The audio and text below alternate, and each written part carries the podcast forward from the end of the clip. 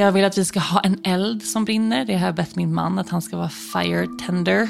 Så under hela processen skulle jag vilja ha en eld um, brinnande. Och i mitt drömscenario så sker det här dagtid. Så här låter det när Rakel Brotén föreställer sig sin kommande förlossning. Den ska äga rum här, på gården i Uppland där hon bor. Det jag kan verkligen visualisera är att jag, är, att jag får vara i naturen och um, ensam. Jag skulle jättegärna vilja känna gräs under fötterna och i ett drömscenario är det jättefint väder och liksom mysigt som det är i Sverige, kan vara i Sverige i juni. Rakel Brotén, eller Yoga Girl, är en av Sveriges största influencers.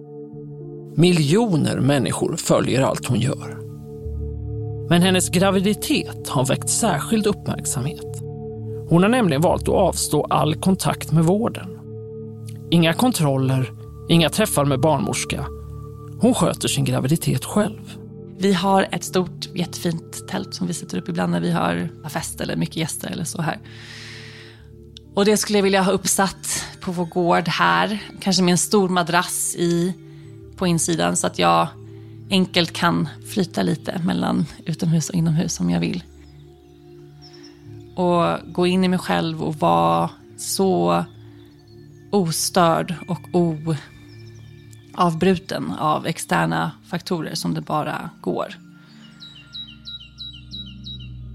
Rakel har ännu inte bestämt vem som ska få vara med under förlossningen. Kanske ingen alls. Känner jag att jag vill vara helt själv, jag vill inte ens ha min man där, då kommer jag göra det så. Känner jag att jag vill ha mina bästa vänner, då kommer jag dra det till mig. Men som jag tror och som jag känner just idag skulle jag vilja att det är min man och vår dotter och sen min bästa vän. Men ingen barnmorska eller dola? Nej, nej. Nej. Rakel Broténs beslut har väckt känslor och skapat debatt. För vad händer om något går fel när barnet ska födas? Men hon är samtidigt inte ensam om sitt val. Där ute finns en hel rörelse med kvinnor som hon. Det begås liksom övergrepp mot kvinnor varje dag i svensk förlossningsvård så sjuk grej att säga till en 41 veckors gravid kvinna. Vi pratar inte om det som övergrepp, men det är det som sker. Om fem minuter är barnet ute och är en person och den personen kanske inte vill sitta i permobil hela livet eller dö. Och då kommer ett avgrundsskrik ifrån henne. Jag heter Adam Svanell och det här är Blända. En dokumentärpodd från Svenska Dagbladet.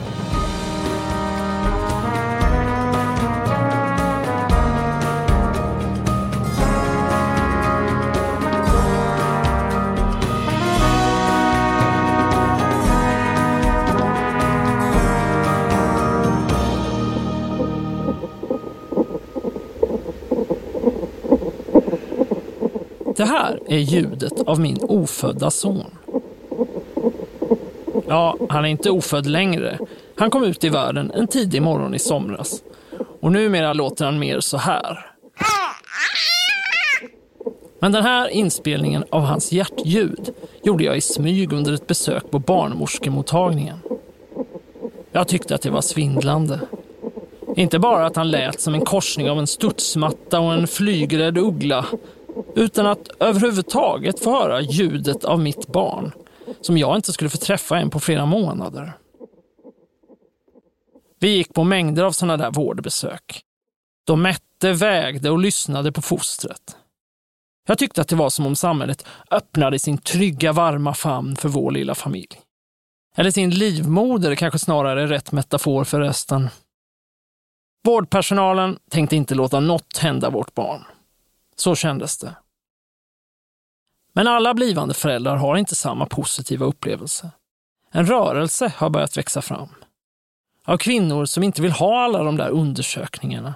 Inte smärtstillande, inte igångsättning och inte allt det där andra som kommer med att föda på sjukhus. De säger nej till den ständigt krisande förlossningsvården. De vill föda hemma på ett naturligare sätt. Men det där naturligare sättet kan också vara mer riskfyllt. Under våren och sommaren har min kollega Julia Vireus följt en omtalad graviditet på nära håll, nämligen influensen Rakel Broténs. Och i den här dokumentären får du som Blenda-lyssnare också följa med, hela vägen fram till förlossningen. Från och med nu testar vi på Blenda förresten något nytt. Alla våra dokumentärer framöver kommer att vara följetonger i flera delar. Den här serien, Yoga Girls vilda graviditet, den består av tre avsnitt. Och för att höra del två och tre behöver du gå in på svd.se blenda. Okej, slut på samhällsinformationen. Nu börjar vi. Hej! Nej men hej! Välkommen! Rakel Brotén står mitt på en lerig gräsmatta, iklädd stora stövlar och en ankellång fjällrävendunjacka. Det är tidigt i april 2023 på den avskilda gården i Uppland. Den som blivit hennes nya hem efter över ett decennium på den karibiska ön Aruba. Luften är kylig och det är fortfarande frost i marken. Hej! Älskling, hej! Är du hemma va? Här bor hon med sin man Dennis, hunden Ringo och deras sexåriga dotter Lea Luna. De här är blommor för dig. Är de blommorna till mig? Nej men gud tack. Var plockar du dem? Du plockade dem där utifrån dörren på förskolan. Utanför den på förskolan. Tack älskling, tack. Är du hungrig? Eh, nej. Snart ska Lea Luna få ett syskon. Om två, tre månader ungefär. Men exakt när vill Rakel Brotén inte veta. När folk frågar, när, åh, när har du BF? Då säger jag, jag vet inte. För att det är sant. Alltså, det är ett gissningsdatum, jag tycker inte ens om ordet, beräknad födelsedatum. Det är så, eh, nej, det stämmer liksom inte överens. Så då säger jag, jag brukar säga, ah, när är det dags? Så säger jag, förhoppningsvis inte idag. och, så, och så går vi vidare. Men någon gång i juni, ish, då är han beräknad typ mitt i tvillingsäsongen. Men han känns inte som en tvilling, så jag vet faktiskt inte. Antingen, jag tänker att antingen kommer han komma minst två veckor tidigt, så att han blir en liten eh, oxe. Eller två veckor efter, så att han blir en liten kräfta. Är det en liten tvillingpojke kanske han är jättekommunikativ, pratar jättemycket, jättesocial, nyfiken. Men han känns inte så i magen just nu. Han känns mycket mer lugn och introvert. och Jag vet inte, det ska bli spännande. Rakel Brotén har runt två miljoner följare på sitt Instagramkonto. Hej! Och det var också på kontot som hon släppte nyheten om att hon var gravid igen. Mamma has a baby in. What? Yes. You're gonna be a big sister.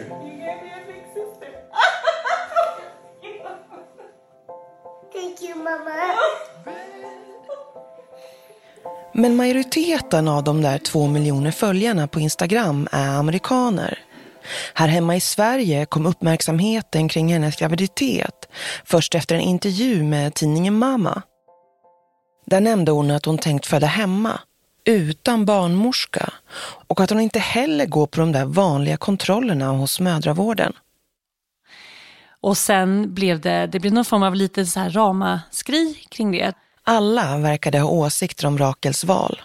I Dagens Nyheter stod det att föda hemma oassisterat är en usel idé. Och Aftonbladets ledarsida skrev att trenden är inte ny, men den kan bli livsfarlig.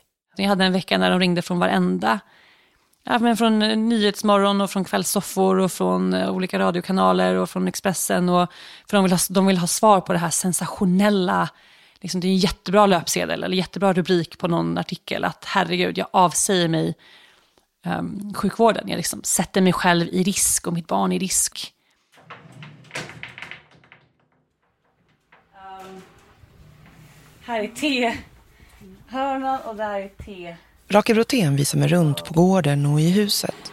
Det är kaos där inne men jag kan, men vi väntar, vi behöver inte stå och vänta på vattnet. Här, i vardagsrummet, gör hon sina dagliga timslånga teceremonier. Då väljer jag idag ett eh, vilt rött te.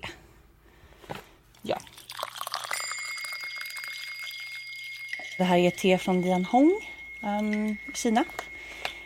Som alltså kallas för vilt te. Det är alltså te-träd som aldrig har varit kultiverade eller planterade med syftet av att producera te, utan det är vilda te-träd. Så de har lite annan energi än det som är planterat. Mm. Nu går vi vidare. Matsalen har blivit en förberedelseplats för själva förlossningen. Det finns en barnvagn, en pilatesboll och ett babybadkar. På bordet intill babyvågen ligger också ett måttband så att de ska komma ihåg att skriva ner längd och vikt tillsammans med den exakta tiden då barnet kommer till världen. Här har Rakel också sitt lilla örtapotek. Ringblommor och lavendel hänger på väggen. Lite örter har jag här också. Det är det jag vill infusera, eller det jag vill dricka efteråt. Blöjor tror jag också va? Vad vill du dricka efteråt? Jag vill nog dricka hallonblads te och rölleka-te. För det är väldigt mjukt.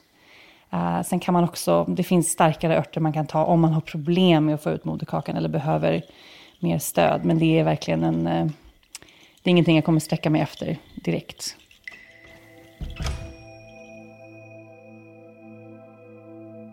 Jag rest till Rakels gård för att ta reda på varför det är så viktigt för henne att gå sin egen väg. På tvärs mot vad så många andra verkar tycka och tänka. Varför räcker det inte med att föda hemma med en barnmorska? Varför vill hon överhuvudtaget inte ha kontakt med vården? Och hur ser hon på sitt ansvar som förebild och offentlig person? Och det handlar inte bara om henne. Jag tycker mig se allt fler unga kvinnor i min närhet som är missnöjda med den förlossningsvård de möter i Sverige och som söker alternativ. Så vad handlar det om egentligen? För många kvinnor är det självklart att klart man ska till sjukhuset, klart man ska göra det här som alla andra gör. Eh, men för mig var det bara inte så, det var inte den, det var inte den vägen jag ville gå. Det var mer att det kändes, jag vet inte hur jag ska förklara, jag tycker inte det är dramatiskt. Ja, jag vet inte. Det finns många ord för det här sättet att föda barn utan kontakt med mödravården. Det kallas vild graviditet och frifödsel och några använder engelskans wild pregnancy och free birth. Själv föredrar Rakel att säga att hon vill föda ostört. Det är liksom det stora ordet för mig. Ostört. Jag vill föda i en situation där jag känner mig helt trygg. Jag vill att förlossningen ska sätta igång helt spontant för att kroppen och bebis är redo för det. Inte för att jag känner mig pressad eller för att sjukvården säger att jag måste. Um, och helst av allt alltså, så vill jag föda själv. Kanske inte, jag har inte bestämt mig liksom exakt hur. Men en sak vet hon, någon barnmorska eller dola vill hon inte ha med. Say hello to a new era of mental health care. Cerebral is here to help you achieve your mental wellness goals with professional therapy and medication management support. 100% online. You'll experience the all new Cerebral Way, an innovative approach to mental wellness designed around you. You'll get a personalized treatment plan from a therapist, prescriber, or both in a safe and judgment free space. Your cerebral therapist or prescriber will outline a customized plan with clear milestones along the way so you can get to feeling your best. With Cerebral, you're not alone in your mental health journey. We're here to empower you to live a fulfilling life.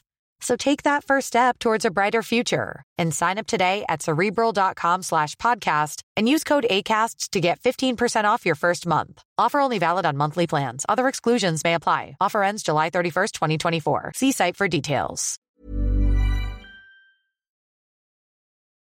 Även de mest välmenande, finaste liksom, barnmorskorna som finns är ändå inte en människa som jag i en vanlig situation skulle ha närvarande, typ när jag går på toaletten, när jag har sex, när jag är, gör någonting väldigt sårbart och intimt.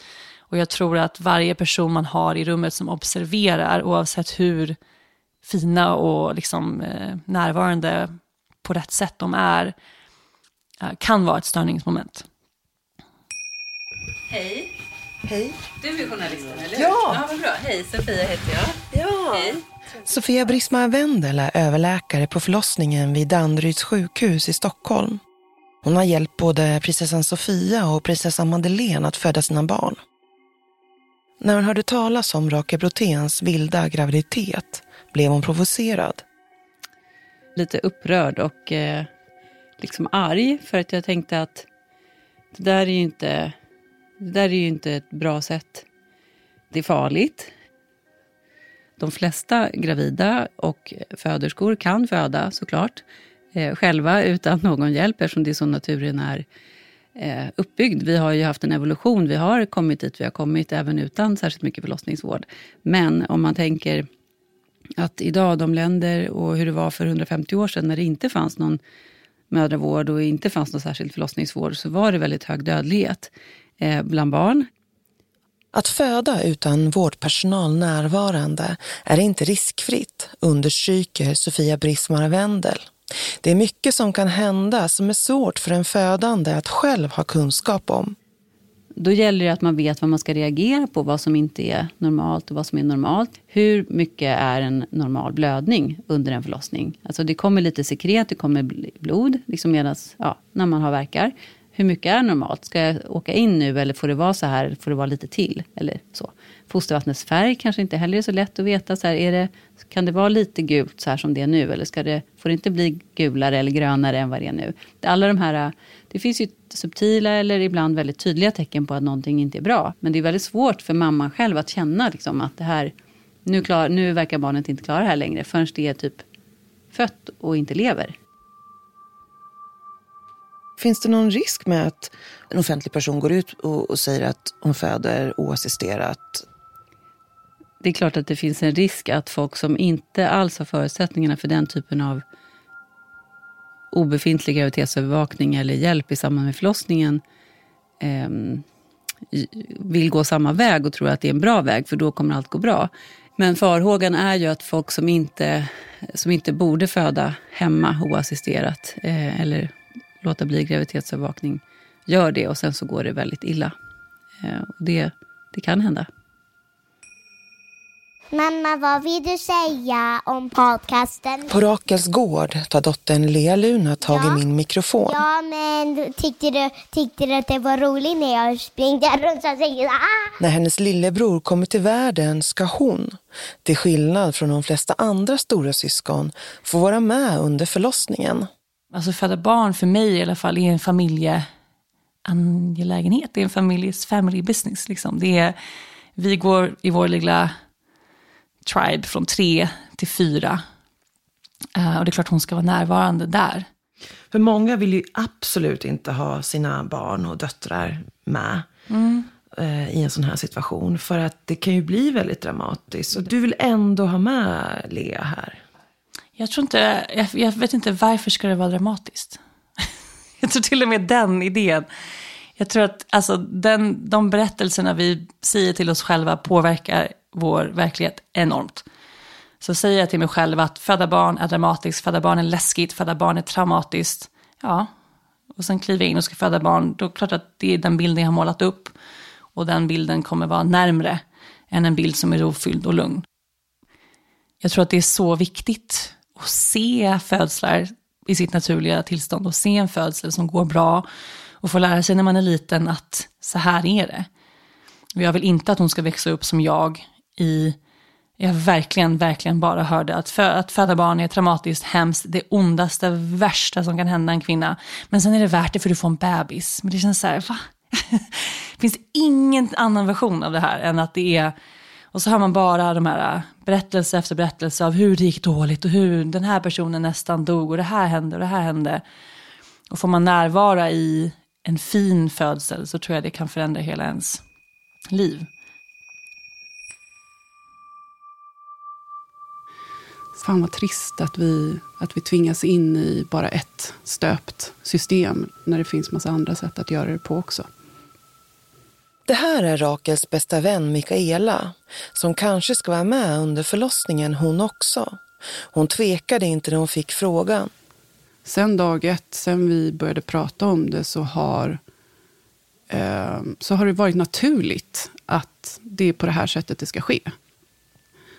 Den viktigaste aspekten från min sida som vän, så har det ju varit att Rakel är på alla sätt och vis en väldigt stark person. Hon är fysiskt otroligt liksom, vältränad och i god form. Äter jättebra mat. Liksom. Hon är så frisk. Eh, emotionellt är hon också superstark och trygg i sig själv. Spirituellt är hon där också. Det finns liksom ingenting som, eh, som gör att jag som vän skulle känna så att usch, vad är det hon ger sig in på? För hon, har liksom, hon är där. Hon har koll på läget. Mikaela och Rakel har känt varandra sedan de var tonåringar. Rakel hade haft en strulig uppväxt med många flyttar och flera dramatiska händelser. Bland annat omkom hennes bonuspappa i en flygolycka. Vi båda hade upplevt ganska mycket tunga saker redan i en ung ålder, vilket gjorde att jag tror att vi liksom knöt an till varandra lite grann. Det fanns någon typ av kinship, förståelse för varandra. Liksom. Bästa vännen Mikaela har också sett en sida av Rakel som sällan kommer fram i medier. En rigid sida, eller en ja, men typ en minutiös sida som inte bara sätter sig ner och accepterar saker för vad de är, utan hon gillar att göra sin research och hon kan lägga hundratals timmar på något, eller tusentals timmar på något, om hon får vittring. Liksom. Det jag uppfattar av vad andra uppfattar är nog att hon är väldigt hippie, flummig, klacksparkig. Eh, ja, men, kanske till och med liksom dumdristig när det kommer till viktiga beslut i livet. Vilket så är ju inte fallet och det är därför vi sitter här idag.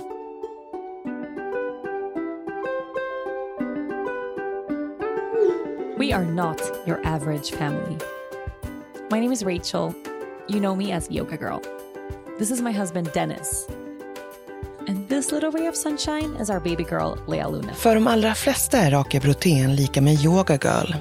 Den världsberömda influensen som lever strandliv på paradisön Aruba. We live in the Caribbean island of Aruba and we travel the world teaching yoga. Talar sig varm om en vegansk livsstil och yogar på Instagram. Men faktum är att inget av det där riktigt stämmer längre. På bara några år har det mesta i hennes liv förändrats. Welcome to our channel. Let's dive in. Ryan Reynolds here from Mint Mobile. With the price of just about everything going up during inflation, we thought we'd bring our prices down. So to help us, we brought in a reverse auctioneer, which is apparently a thing.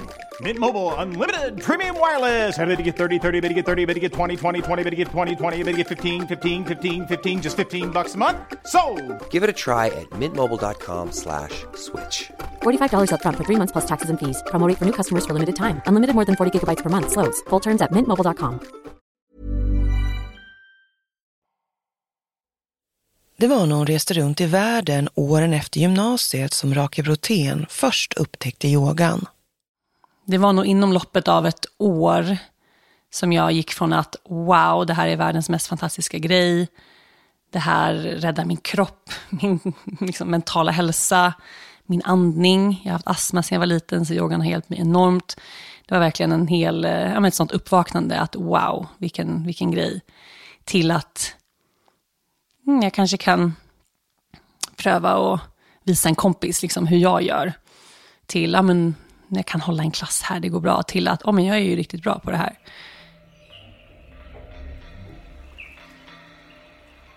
Hon mötte Dennis i en surfbutik på Aruba och blev kvar på den karibiska ön som är känd för sina vita stränder och kristallblåa hav. Där skapade hon ett Instagramkonto som hon kallade för Yoga Girl. Hon postade bilder på när hon yogade, mest för att familj och vänner hemma i Sverige skulle se vad hon höll på med. Men kontot och hennes karriär växte på ett sätt hon aldrig hade kunnat föreställa sig. Först tyckte jag att om, om 15 personer kom till en klass som jag hade på stranden var jag, i, jag behövde peptaka mig själv liksom på eh, toaletten innan för jag var så nervös. Herregud, 15 personer är här för att yoga med mig. Vad ska jag, tänk om jag säger fel grej och gud, tänk om det blir dåligt. Jag var så i chock att folk ville, nej men ville lägga sin tid på att lyssna på mig liksom och vara där. Nej, men till att det blev 50 personer kom och sen kom 100 personer och sen kom 200 och sen ja, men fick vi inte plats liksom, på vanliga... Fick inte plats i studios, fick inte plats på vanliga eventlokaler, fick börja hyra... Men I USA hyr vi liksom alltså, arenor. Hey, hi you guys. I'm so happy to be here. So my name is Rachel Brathen. We're gonna practice and flow and tune inward a little bit today. That's the plan. So Rakel hamnade till exempel i morgonshowen Good Morning America där hon yogade tillsammans med geten Penny Lane. With 1.8 million followers on Instagram, Rachel Brathen and her trusty goat are proving that you don't have to face that challenging crane pose on your own. Till slut hade hon miljoner följare och ett eget yogacenter med ett 20-tal anställda som skötte rulliansen under säsongen. Thank you so much for practicing with me today, you guys. Hope you have a really good rest of the day. Thank you, thank you, thank you. När hennes bok Yoga Girl, att finna lycka, skapa balans och leva med ett öppet hjärta gavs ut hamnade den på New York Times bästsäljarlista.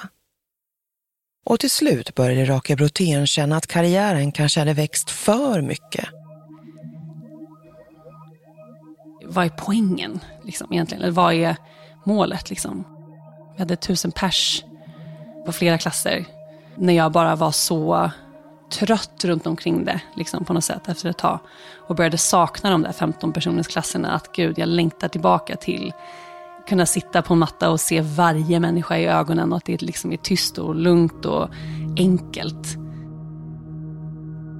2019 kom hennes andra bok, To Love and Let Go, en berättelse om kärlek, sorg och tacksamhet. Och hon gav sig ut på en marknadsföringsturné i USA. Och jag började få panikångestattacker. Under så konstiga stunder, typ ligga på ett hotellrum mitt i natten, veta att okej, okay, klockan är två, jag har inte kunnat somna, klockan sex ska vi upp för vi ska vara med i tv eller vi ska göra det här. Och jag kände ingen njutning. Jag kände ingen, liksom, jag var bara, jag ville bara hem.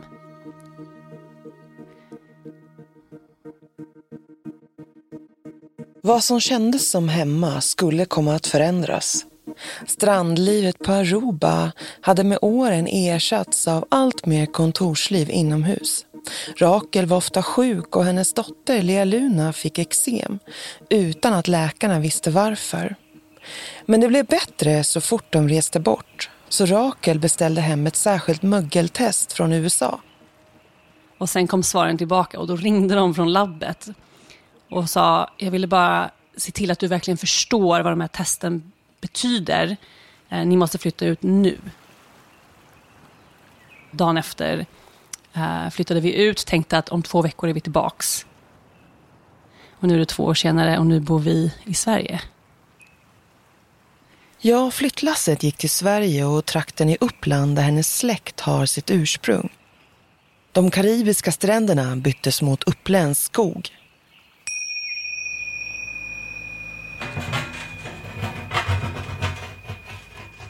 När jag återvänder till Rakels gård några veckor efter mitt första besök har den förvandlats till en byggarbetsplats. Det ena badrummet ska renoveras.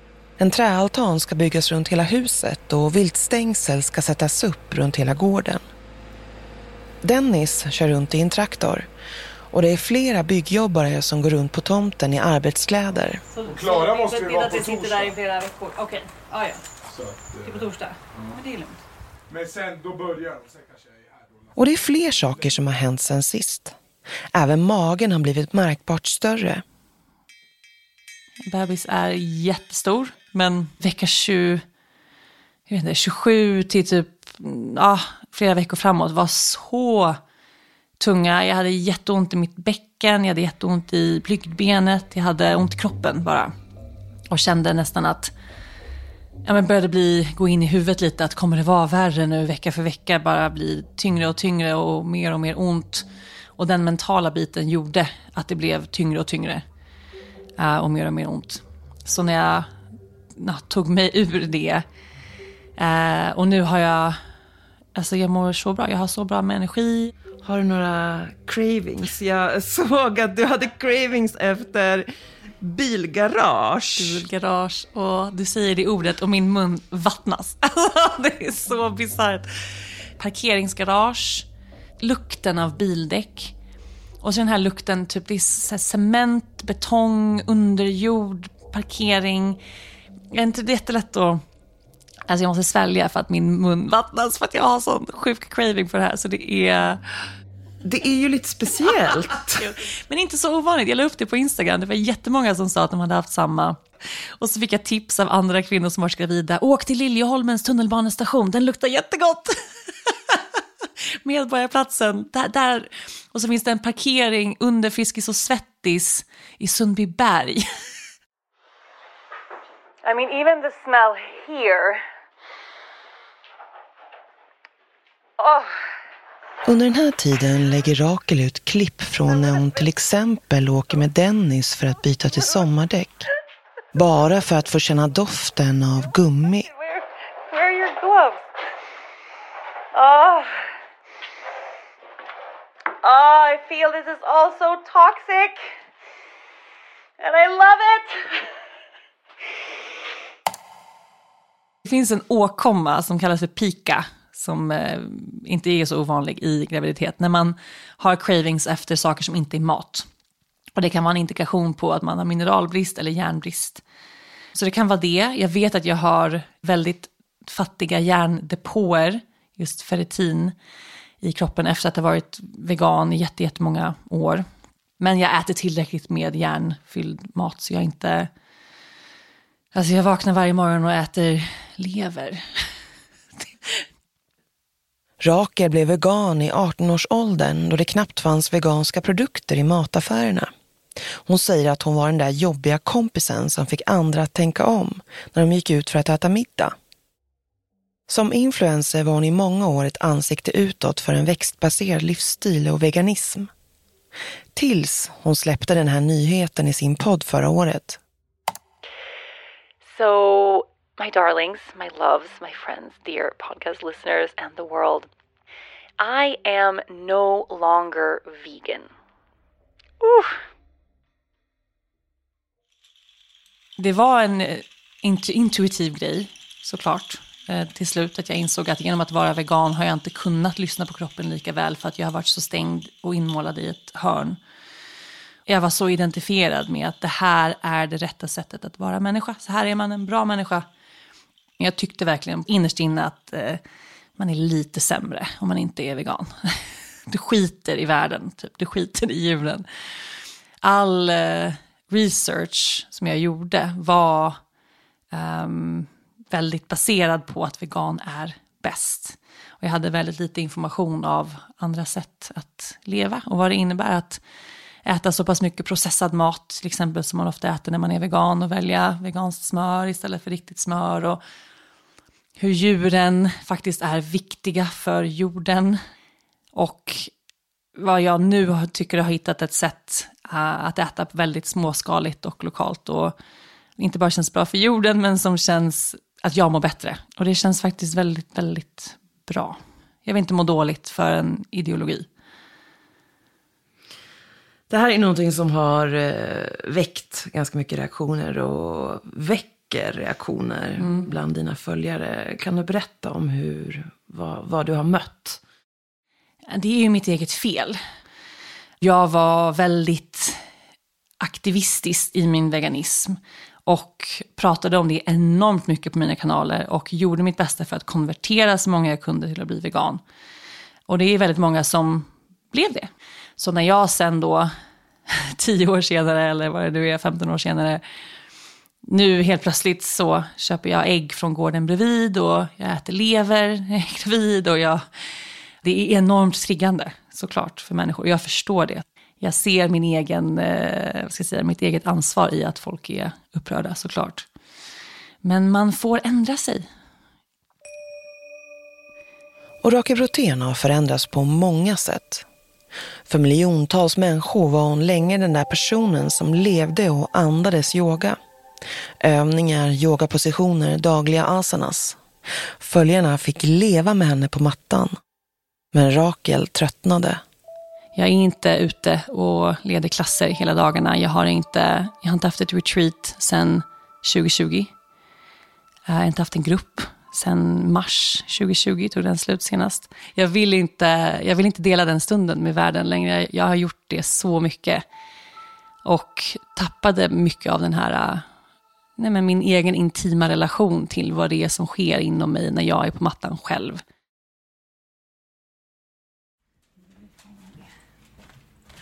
Jag sa ju det! Älskling! Nej! Såg ni hur han sprang in?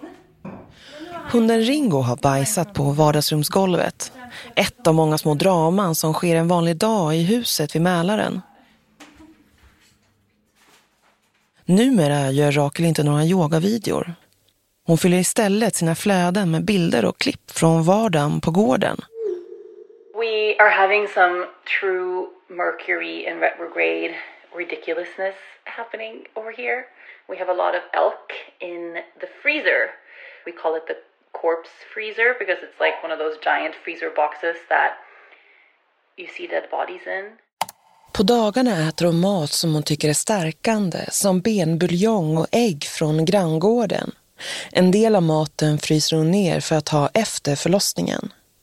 Och hon torkar örter till sitt lilla örtapotek som innehåller allt ifrån citronmeliss till sprängticka. Och varje dag går hon ner till bryggan och tar ett dopp, oavsett väder. Så jag tror vi, fast vi har varit i Sverige nu och det har varit jättelång vinter, är vi ute mer under svenska vintern än vad vi var ute på Aruba i så här jättefint väder. Och varje vecka spelar Rakel in ett avsnitt av den egna podden From the Heart with Rachel Brothen. Där pratar hon om föräldraskap och om vad som händer i hennes liv. Men lyssnarna får också ställa frågor om relationer, livsstil eller självutveckling. And we have a fun little mix of questions today. I talk about conception, what I feel about divine timing and spirit babies. Yoga Girl har snarare blivit Family Girl. Hon coachar sina fans i familjeliv, inte i yogapositioner. Och nu får fansen alltså följa hennes egna sätt att föda barn. Helt utanför vårdapparaten.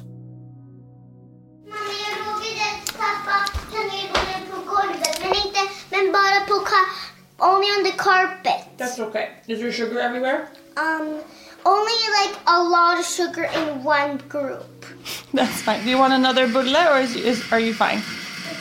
Okay, put your shoes on. I prefer one när Lea Luna var på ett barnkalas kom en förälder fram och ville prata. Och du ska bli stora syster snart och vad roligt och typ tänk när mamma kommer hem från sjukhuset med bebis. Och då har Lea sagt nej, mamma ska föda barn hemma och jag ska vara med. Varpå mamma, den här personen då, jag vet inte vem det var, hade sagt jaha, men det vet man inte om det går bra. Eh, och vissa bebisar måste skäras ut ur magen för att de kan inte födas. Och Lea kom hem, alltså hon kom hem i chock, hon grät. Hon var så rädd, så upprörd. Mamma, tänk, tänk om, tänk om bebisen inte kan komma ut, tänk om, tänk om någon måste skära i dig. Och jag var så jävla arg. Så jag var så här, gud, måste någon annans förälder som inte ens vi känner så bra sätta såna här grejer i huvudet på henne helt i onödan. Det är många som ifrågasätter Rakel Broténs val. Under perioden då jag följer henne fortsätter hennes vilda graviditet att debatteras i svenska medier. I artiklar i landets största tidningar anklagas hon för att inte bry sig om risker och för att göra sin vilda graviditet till säljbart content på sina kanaler. Hon förlorar tusentals följare på Instagram när hon gör inlägg om hur hon ska föda. Hon blir till och med orosanmäld till socialtjänsten. Och när hon besöker en sportaffär i det lilla samhället där hon bor frågar butiksbeträdet om hon hatar sjukvården. Jag kan inte låta bli att undra vad som driver henne och vad som får henne att stå ut med all kritik. En ledtråd kommer när hon berättar att hon börjat gå i terapi.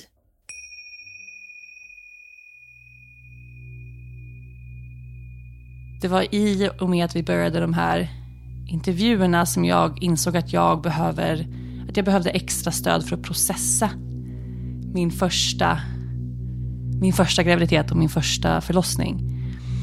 Så jag eh, har börjat gå i somatisk terapi, började för ett par veckor sedan, bara för att prata om, mm, om Leas, eh, hur Lea föddes. Nej, det går inte att prata om den kommande förlossningen och varför Rakel absolut vill föda på det här sättet utan att gå in på hennes första förlossning. Då, för sex år sedan, när Lea Luna föddes. Alltså den, jag kan gråta när jag tänker på det. Ah. Vi kan ta en liten paus. Mm. Gud.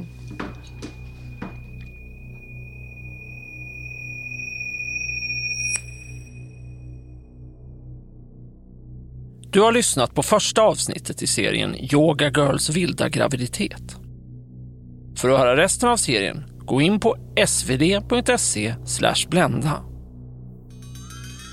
I nästa avsnitt. Do you feel uh, prepared now for the baby? Um, no. Så många kvinnor kommer ut från sin första förlossning och är stukade och en hel del är faktiskt traumatiserade av vad de varit med om. Kvinnan har makt över sin egen kropp. Så vi i sjukvården kan inte göra något för att skydda det ofödda barnet, även om vi tror och vet att någonting håller på att gå tokigt. Nu är jag inne i sjukvården här i Sverige, för nu har jag gått på det här ultraljudet. Och helt plötsligt kände jag mig otrygg.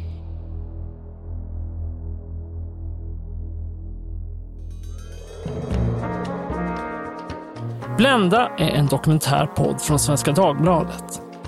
Reporter i serien om Yoga Girl är Julia Vireus. Och det är också hon som producerar den. Ljudläggningen är gjord av Daniel Persson Mora. Slutmix av Elin Rosenberg. Med i redaktionen finns också Daniel Kederstedt, Teresa Stenle från Matern och Robert Barkman. Ledmotivet till Blenda är skrivet och framfört av Martin Hederos. Den grafiska formen är gjord av Henrik Malmsten och Ebba Bonde. Programformatet Blenda är framtaget i samarbete med produktionsbolaget Banda. Ansvarig utgivare är Martin Ahlqvist. Och jag som är redaktör heter Adam Svanell.